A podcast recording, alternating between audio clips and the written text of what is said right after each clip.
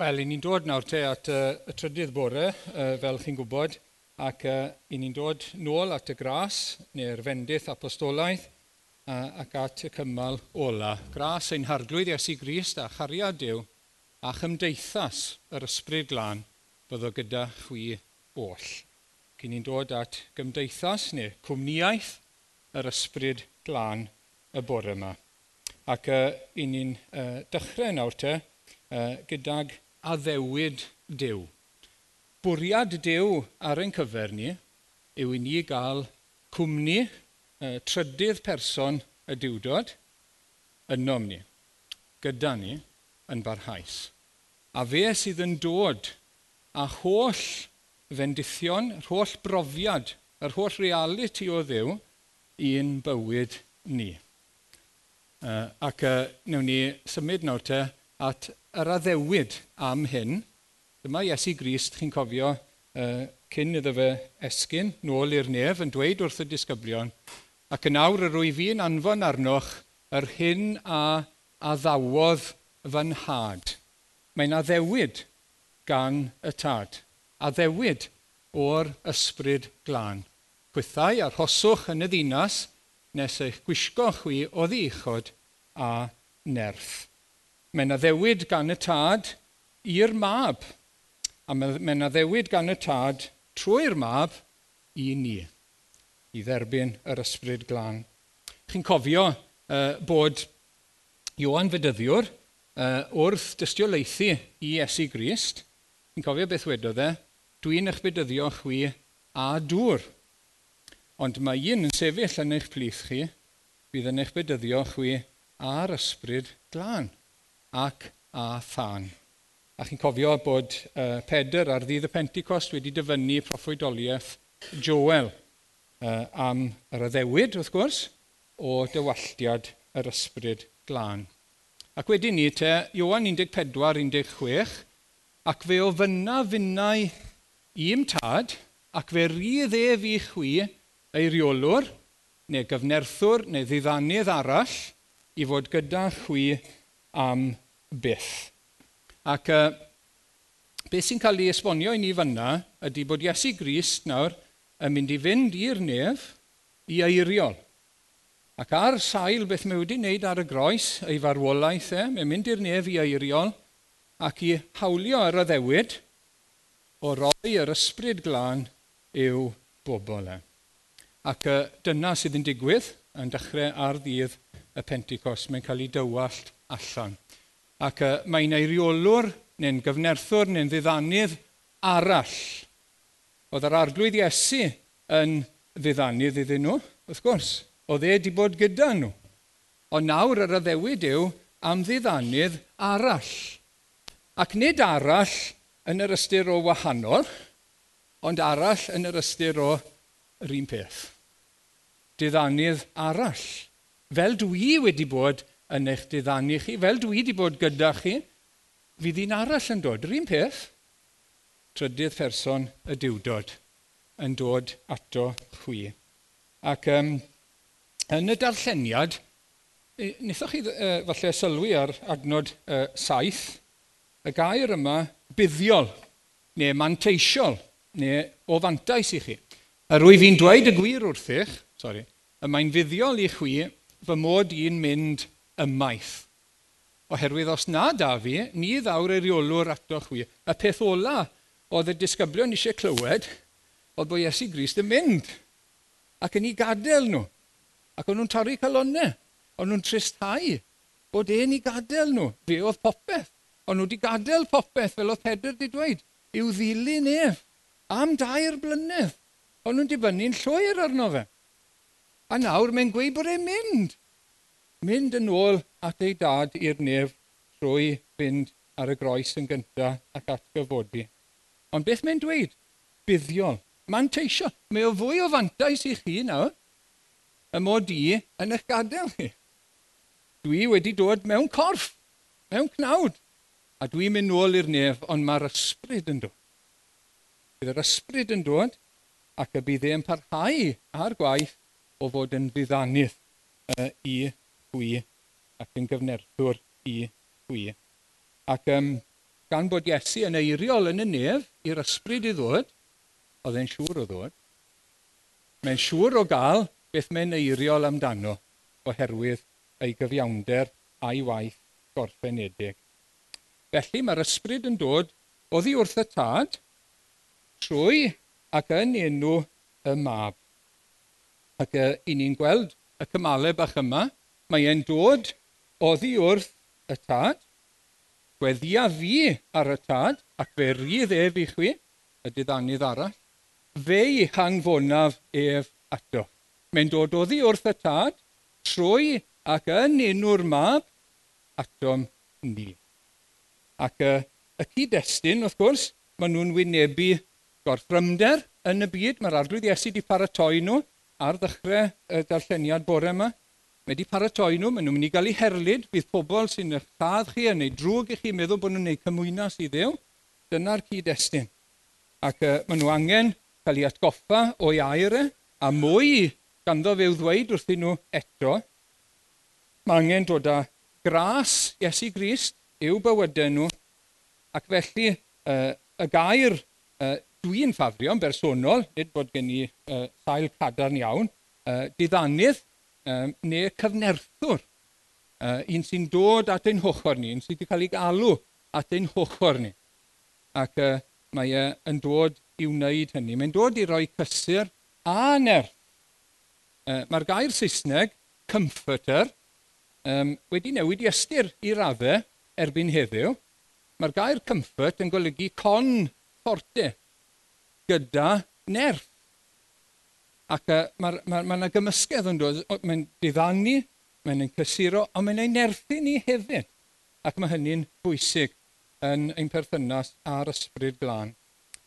Mae e fe nawr te, yr ysbryd, sy'n dod a chariad y tad, a gras y mab, un calonau ac un bywydau ni. Fel wedys i ddo, fe yw'r cwriad. Fe sy'n dod â profiad o ddew fe yw Dyw ynom ni, yr ysbryd glân. Ac uh, mae'n sôn am gael uh, ei anfon, mae sôn am ei dywall, dyna sy'n dod nesaf, wy'n credu. Na chi Titus unwaith eto. Fe'n hachubodd ni trwy olchiad yr ail enedigaeth ac adnewyddiad gan yr ysbryd glân, a dywalltodd ef arnom ni yn helaeth drwy Iesu Grist. Na fe unwaith eto, mae'n dod oddi wrth y tad trwy Iesu Grist ein gwaredwr. Felly, mae'n cael ei anfon, mae'n cael ei dywall, sy'n rhoi y darlun o, o ddŵr, bywion, uh, ac wedyn ni, mae rhaid ni gofio bod e'n dod o'i fodd. Oherwydd os na da fi, ni ddaw yr eriolwr atoch. Ond os af, fe hanfona fe fatoch, mae'n cael ei anfon, a phan ddaw.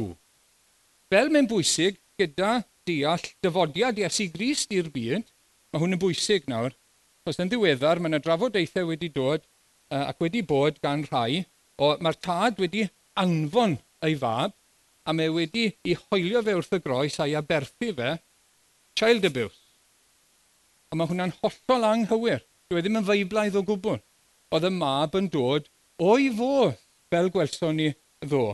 Y mwyd am diod i wneud e y wyllus y tad. O'i fodd. Wel felly mae'r un peth yn wir am yr ysbryd glân. Ydy mae'n cael ei anfon, ydy mae'n cael ei dywall, ond mae e'n dod hefyd ei hunan. A mae'n falch o ddod wrth gwrs.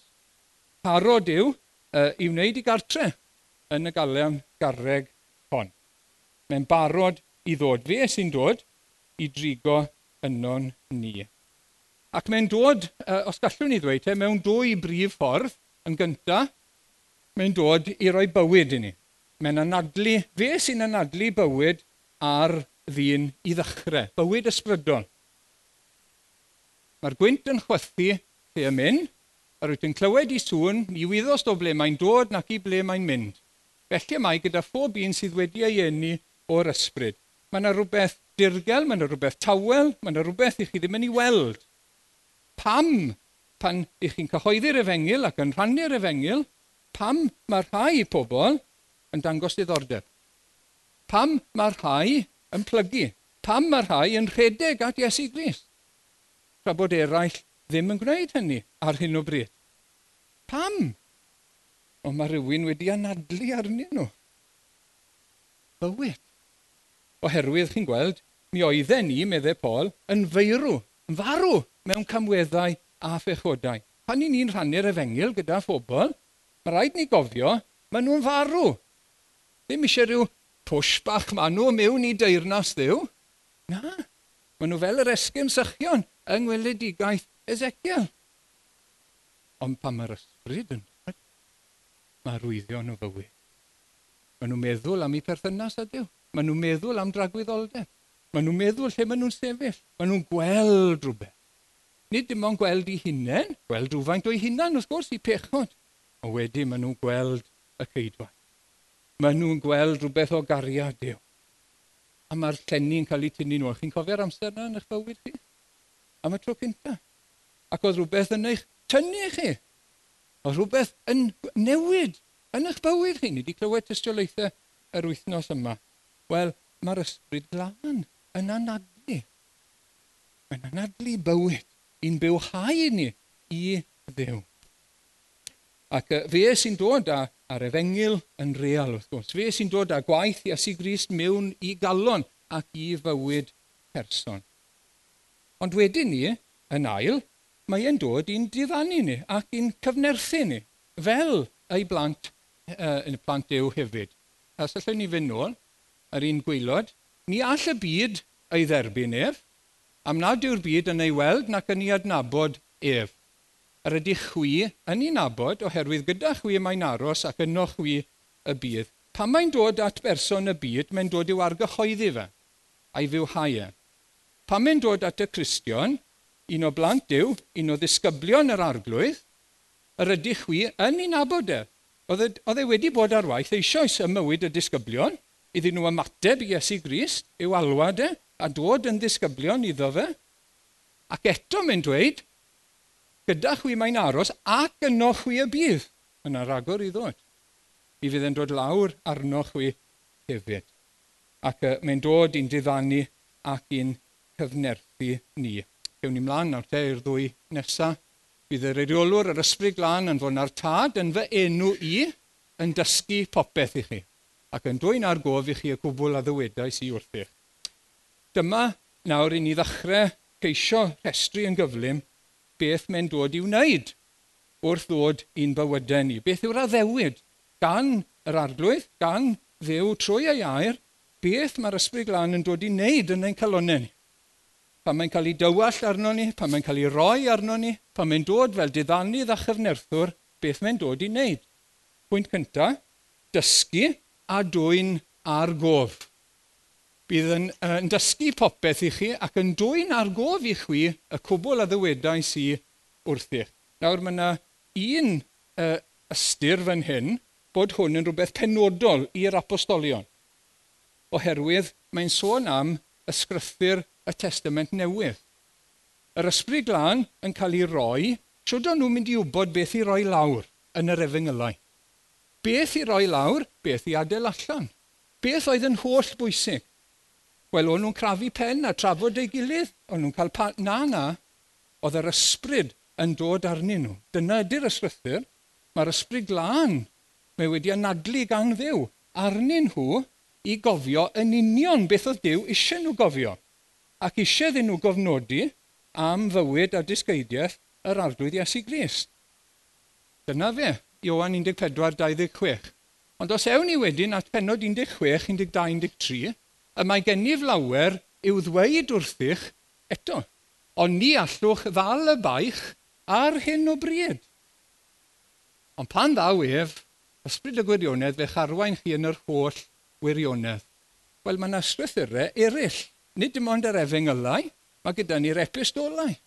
A mae gan yr arglwyr rhagor i ddweud wrth i bobl trwy yr epistolau.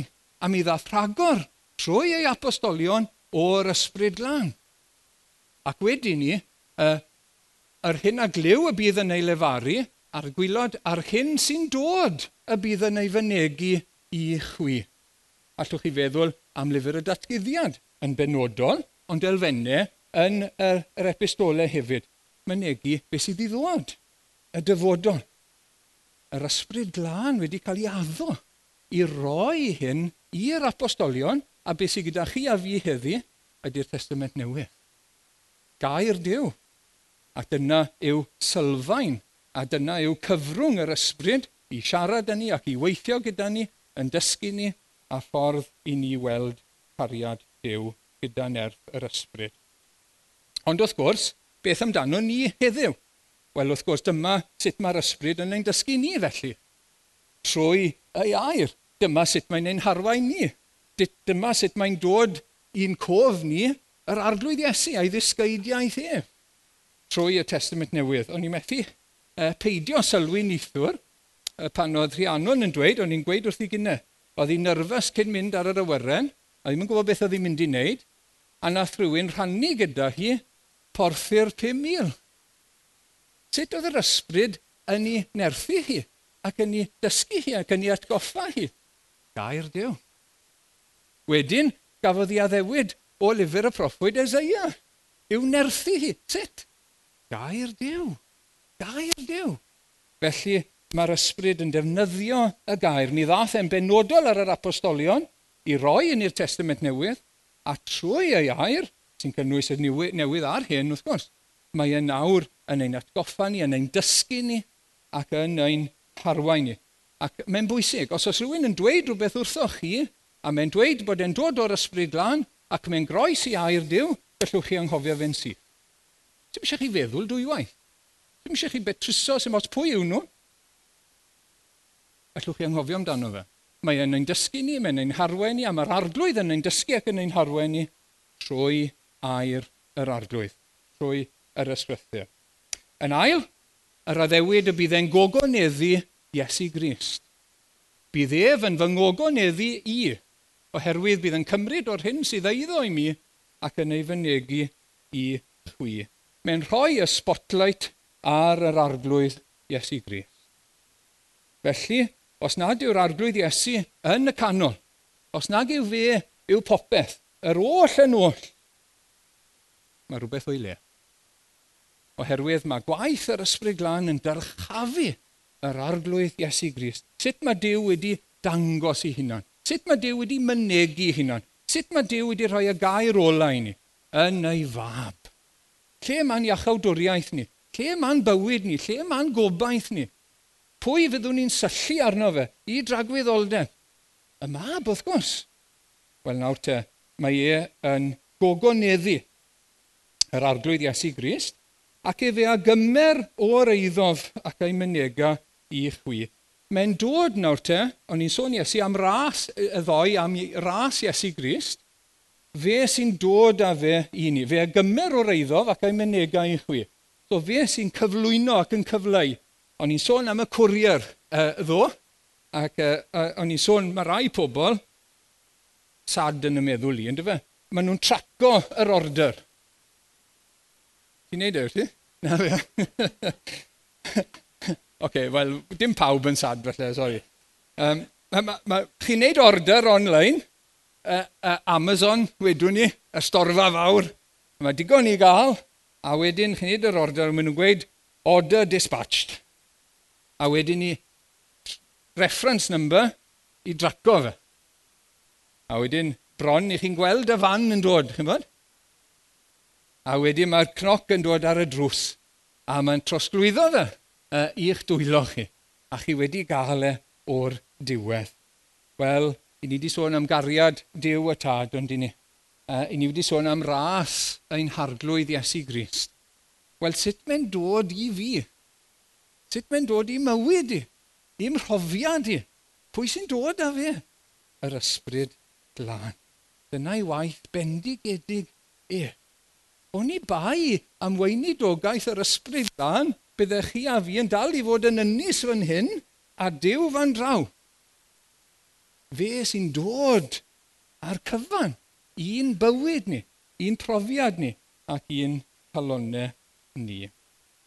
Yn drydydd, mae e'n cael ei addo i dywallt cariad Dyw yn ein calonau ni. Wrth y modd ar adnod yma, dyma obaith na chawn ein siomi ganddo oherwydd mae cariad Dyw wedi ei dywallt yn ein calonau trwy'r ysbryd glân y mae ef wedi ei roi i ni. Uh, cariad cynllun Dyw, o'n i'n sôn chydig amdano fe dim mwy. Uh, cariad yn anfon y mab, cariad y groes, uh, cariad uh, bwriadau Dyw ar ein cyfer ni. Sut i ni'n dod i brofi hwnna? I gael ein llenwi ac ymwybyddiaeth o hwnna? Wel, dyma waith yr ysbryd. Mae'n rhoi tystiolaeth i fewn i ni. Yn felus, yn llawn. Perswad yno ni o gariad y tad. Faint mae'n ein caru ni yng Nghyst. Fel mae'n fodlon yno ni yn yr arglwydd Iesu. Fel mae'n llawn meddyliau tynner a bwriadau tynner ar ein cyfer ni. Dyma waith yr ysbryd ar llws y cariad yma. Chi ddarlun? I dywallt ei arlu e yn ein calonnau ni, mewn waith bendigedig. Ac wrth gwrs, y sgil effaith, fel o'n i'n sôn chydig dim wrth, wedyn i ni yn caru Dyw. Herwydd bod ef yn gyntaf wedi'n caru ni. Ac yn ail, dyma pam a sut i ni'n mynd i garu yn gilydd. Ac wrth gwrs, mae'n un o'r acid tests. Oeddi cariad Dyw yno ni. Oeddi ni'n caru Dyw? Sut allwn ni weld hynny? Sut allwn ni fesur hwnna? Beth yw'r acid test? Fel bod ni'n caru yn gilydd. Fel hyn y bydd dynion yn gwybod eich bod yn ddisgyblion i mi. Acid test. Beth yw e? Wel, nid jyst bod ni'n gwneud hyn a llall ac arall ac yn mynd fan hyn, fan draw a fan arall, ond bod gennych gariad y naill at y llall.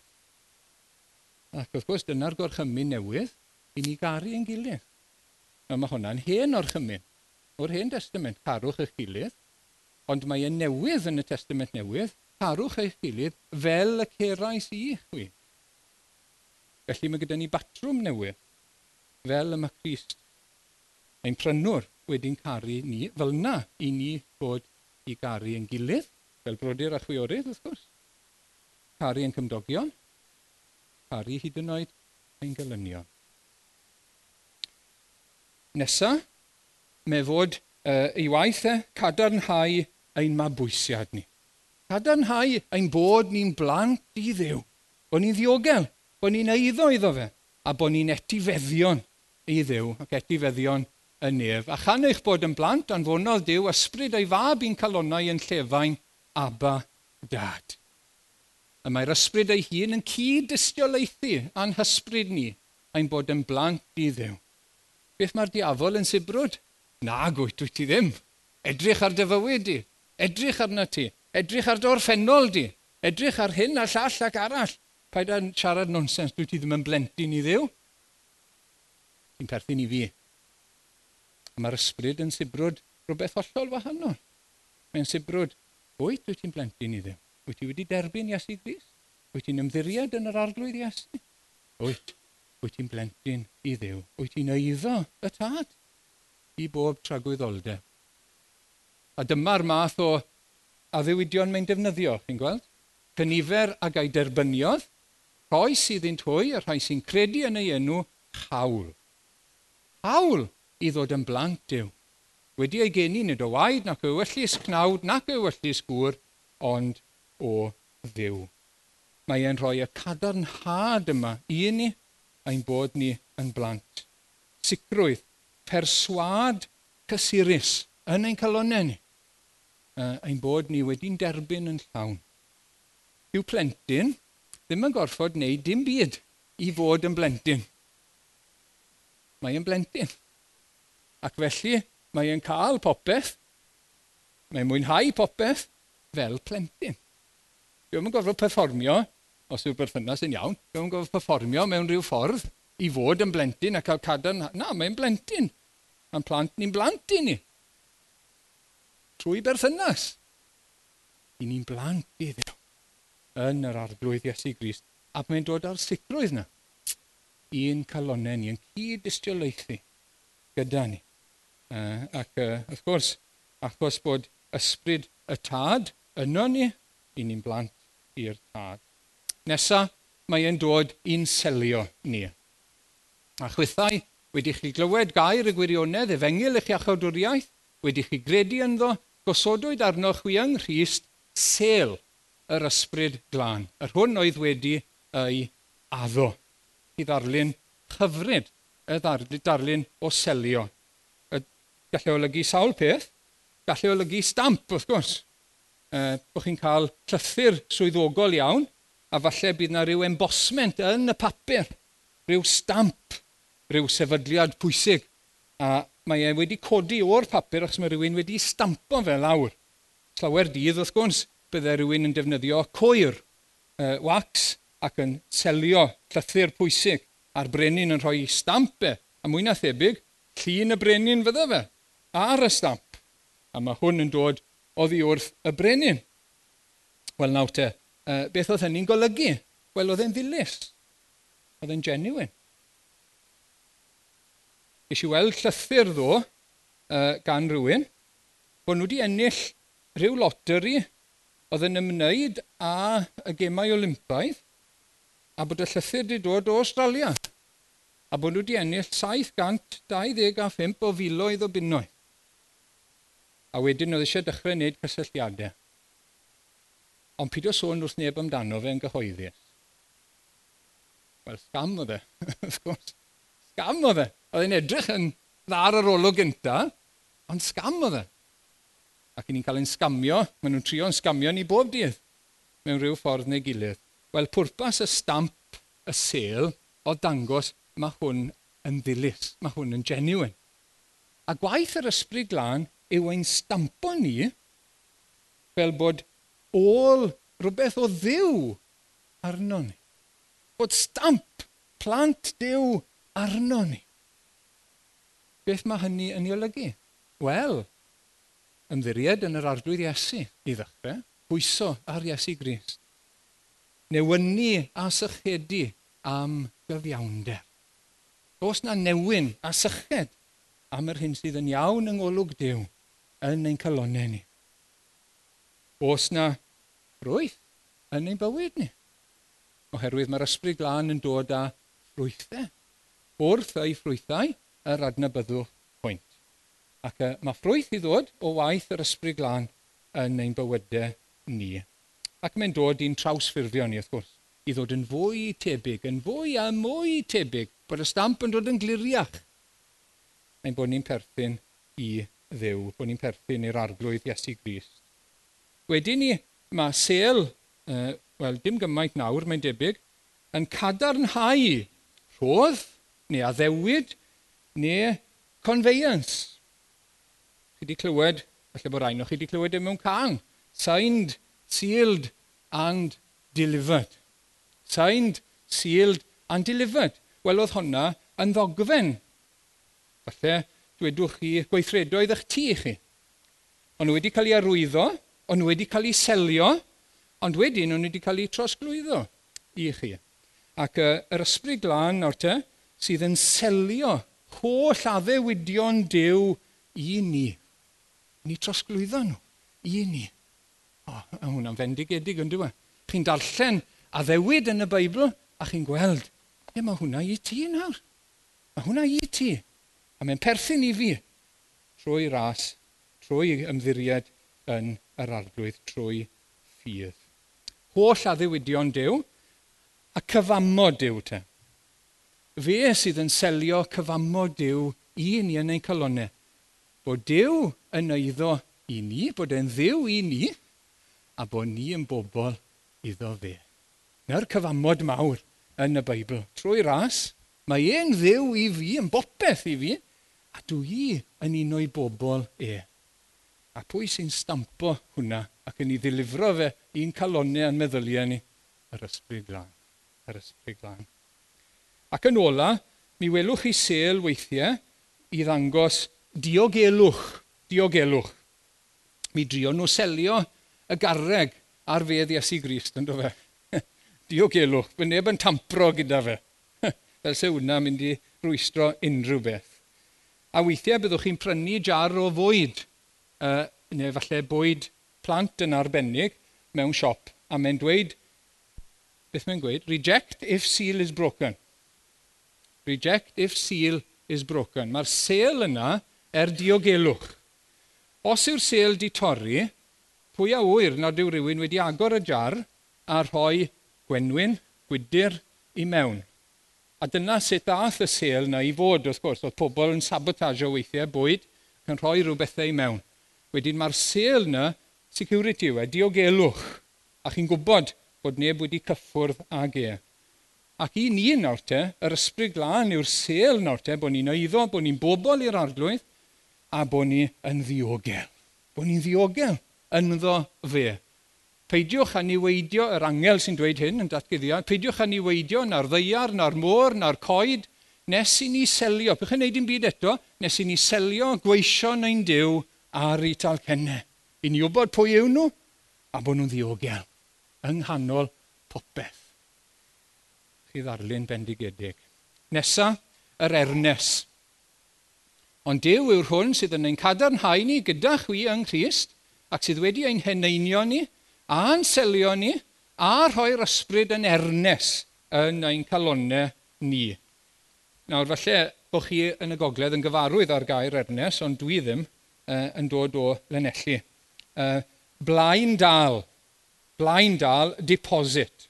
Mae'n rhan o'n bywydau ni bob dydd, unrhyw beth bron, chi'n prynu car falle, neu chi'n prynu tŷ, a fel rhan o'r contract y cytundeb, chi'n rhoi deposit i lawr.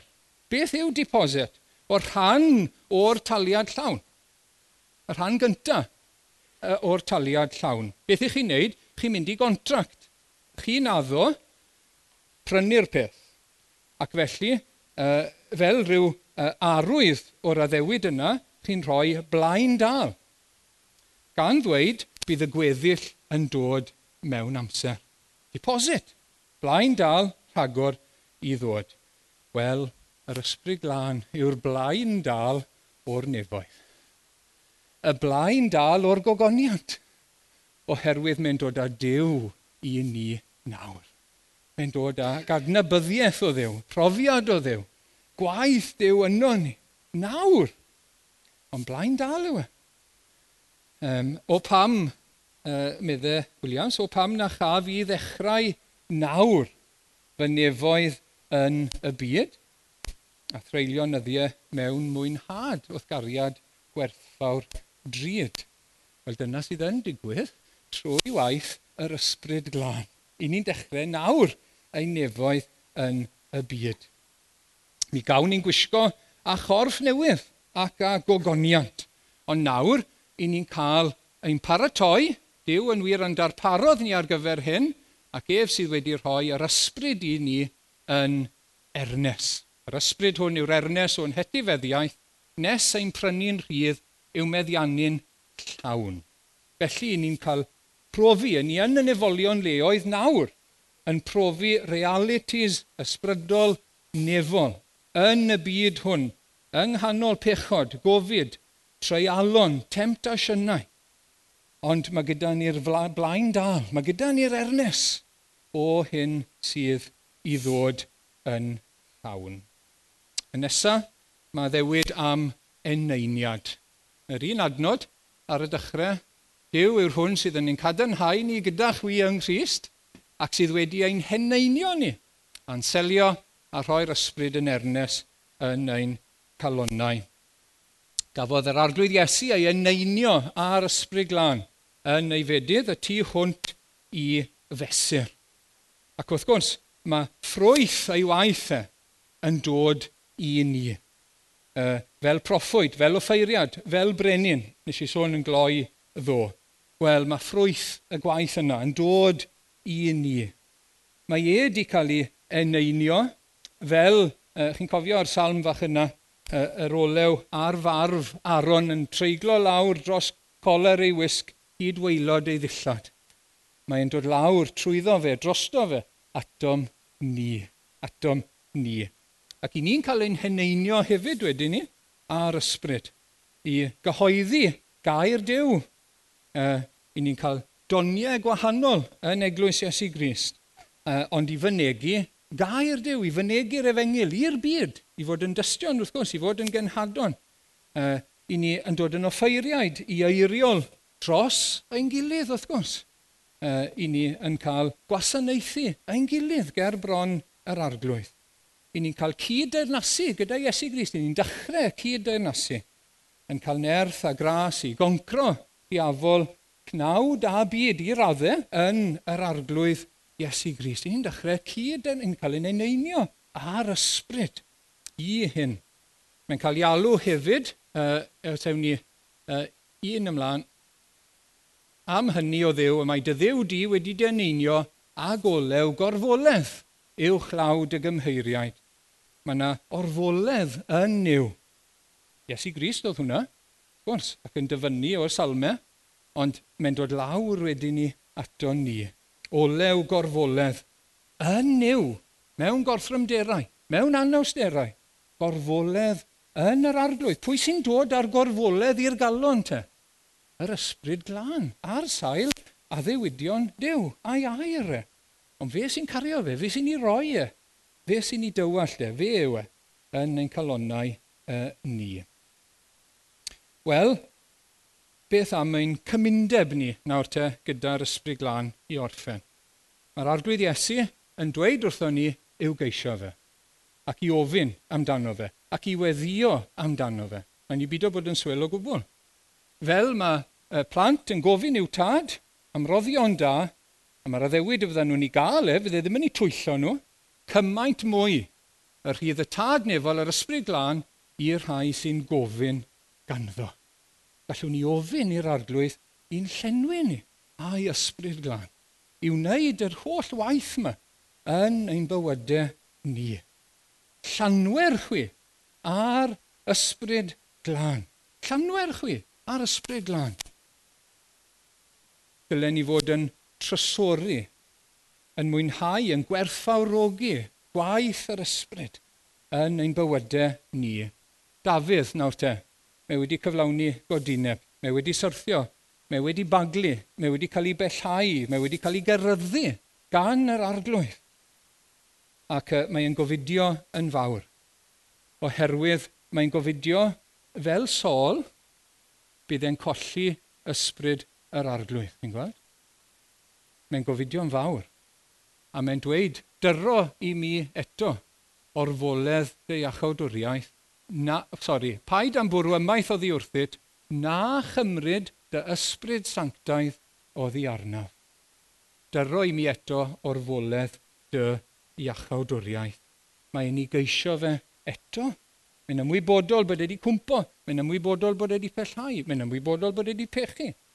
A mae'n ofon colli mwynhad a heddwch a, sang, a, a, a tangnefedd diw yn ei fywyd. E. Dyroi mi eto o'r foledd dy iachawdwriaeth trwy waith yr ysbryd. Ac mae'n gofyn wrth gwrs am yr ysbryd sanctaidd, yr ysbryd glân.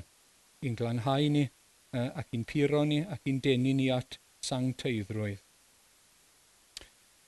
wedyn ni, mae yna rybuddion i orffen, uh, i ni beidio yn gyntaf a thristau yr ysbryd.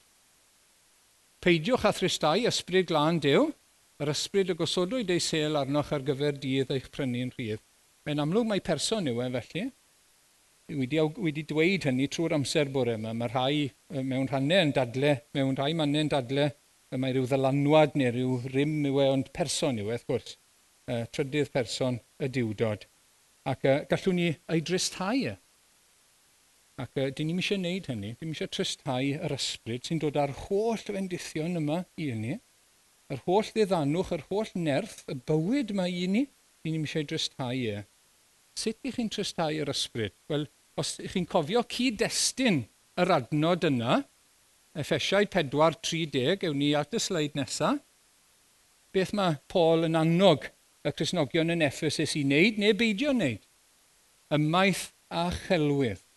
Os ych chi'n mynd i wei celwydd wrth eich gilydd, dan bresiwr, pidwch â disgwyl bod yr ysbryd yn mynd i fod yn real ac yn llawn yno chi. Na, fydd e ddim. Ymaith a chelwydd, dwedwch y gwir wrth eich gilydd. Pidiwch â gadael i'r hael fachlyd ar eich digofain. Pidiwch â dal dig. Os oes rhywbeth gyda chi yn erbyn rhywun, Setlwch e. Setlwch e. Heddi. Meddai Iesu Grist, gad y rodd ar yr allor, a mynd gymod a thrawd. Nawr te, os rhywbeth gyda chi heddi, sydd ddim yn iawn rhyngthoch chi a brawd neu chwar yng Nghyst, setlwch e. Pidwch a dal dig. Pidwch a gadael iddo fe. Mae e'n tristau yr ysbryd. Mae'n tristau yr ysbryd. Ac i ni'n colli bendithio yn yr arglwydd. Setlwch e, a fi gyda chi, wrth gwrs. Mae'n ni setlo fe. Wynebu fe, delio ag e, a symud mlaen. Symud mlaen yn ein bywydau. Wedyn ni, uh, lladrata. Nid yr agwedd yma, be sydd yn hyn i fi. Dyna chi agwedd Judas, chi'n gweld? Be sydd yn hwn i fi? A gallwn ni fod fyna i raddau gyda'r eglwys sydd yno. Gyda pethau, beth sydd yn hwn i fi, wy'n mynd i gymryd, wy'n mynd i gael, yn ytrach na beth allai roi. trwy allai wasanaethu uh, trwy nerth Dyw, wrth gwrs, a trwy gymorth yr ysbryd. Ac uh, yn ymadrodd ni wedyn ni, uh, pwy fath o eiriau sy'n dod allan o'n gennau ni. Oh. Mae'n peth bach yw'r tafod, ynddo fe? Ond mae e'n ddinistriol. Mae'n fel uh, sbarc yn dyw e? i roi coedwig ar dan meddai ago. Allwch chi reoli bron unrhyw beth yn eich bywyd, meddai fe, ond y tafod. Ho, ho, ho. Ych chi'n anodd i feistroli yn tafod ni. Lywys i ymadrodd gan rhywun unwaith a mae di stico gyda fi am ryw reswm, so na i rannu fe gyda chi to. Os ych chi'n mynd i roi rhywun lawr, rwch e lawr ar y chrestr weddi. Ond yw'n dda. If you're going to put somebody down, put him down on your prayer list. A hwnna wych. Ac wedyn ni gweddio bendith arno fe, neu hi. Gweddio niwmer i chwech arno fe. Bydde di'r arglwydd y fendithio a sgadw. Gweddio hwnna o'r galon, wrth gwrs, uh, dros y person. Ac wedyn ni uh, y peidio a diffodd, sydd yn ddarlun gwahanol o'r fflam ar yr allor, y tân, uh, pan ni'n anwybyddu uh, gwaith a tystiolaeth yr ysbryd glân, pan ni'n ymroi i bechod. Darlun hyfryd iawn yn y Testament Newydd bod yn corff yn deml i'r ysbryd glân. A presenoldeb Dyw yno fi nawr, a'r corff mae'n deml. Dyw e ddim i'w ddefnyddio i bechod, y tafod, unrhyw rhan, y dwylo, y trad. Na, mae'n deml, mae'n sanctaidd, mae'n gysegredig i'r arglwydd, achos mae'n deml yr ysbryd glân. Uh, felly, um, i ni yn gofyn i'r ysbryd i'n llenwi ni i fod yn lân ac yn sanctaidd. Ac yn ola, peidio a'i wrthwynebu. Uh, yr adnod fach ola, pwy rai gwargaled a di enwaidedig o galon a chlist ar ydych chi yn wastad yn gwrthwynebu'r ysbryd glân. Wel, Steffan sy'n siarad, uh, cyn iddo fe gael ei ferthyru, ac mae'n siarad ar ei ddewon, sydd yn gwrthod tystiolaeth Dyw trwy'r proffwydi. Beth yw gwrthwynebu'r ysbryd glân? Gwrthwynebu gair Dyw. Os ych chi'n cael yn hawster gyda rhan o air Dyw, gofynnwch i'r arglwydd am help. Ond pidiwch â gwrthwynebu. Please, pidiwch â gwrthwynebu. Dwi wedi, chi wedi falle gweld bywydau pobl yn mynd lawr ar ôl gwrthwynebu gair Dyw. I ni'n gwrthwynebu Dyw, i ni'n gwrthwynebu yr ysbryd glân.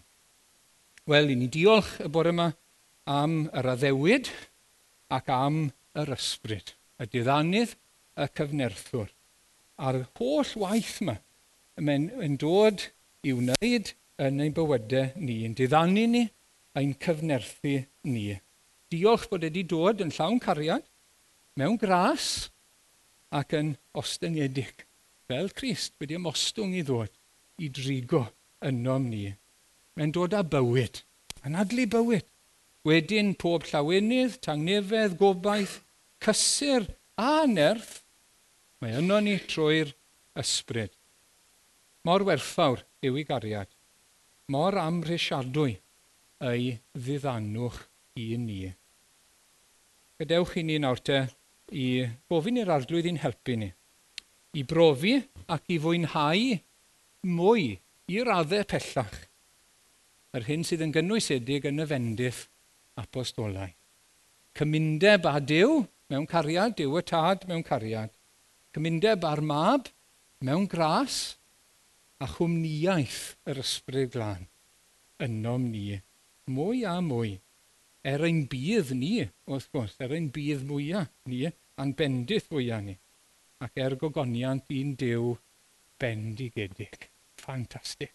Tad, mab ac ysbryd glân.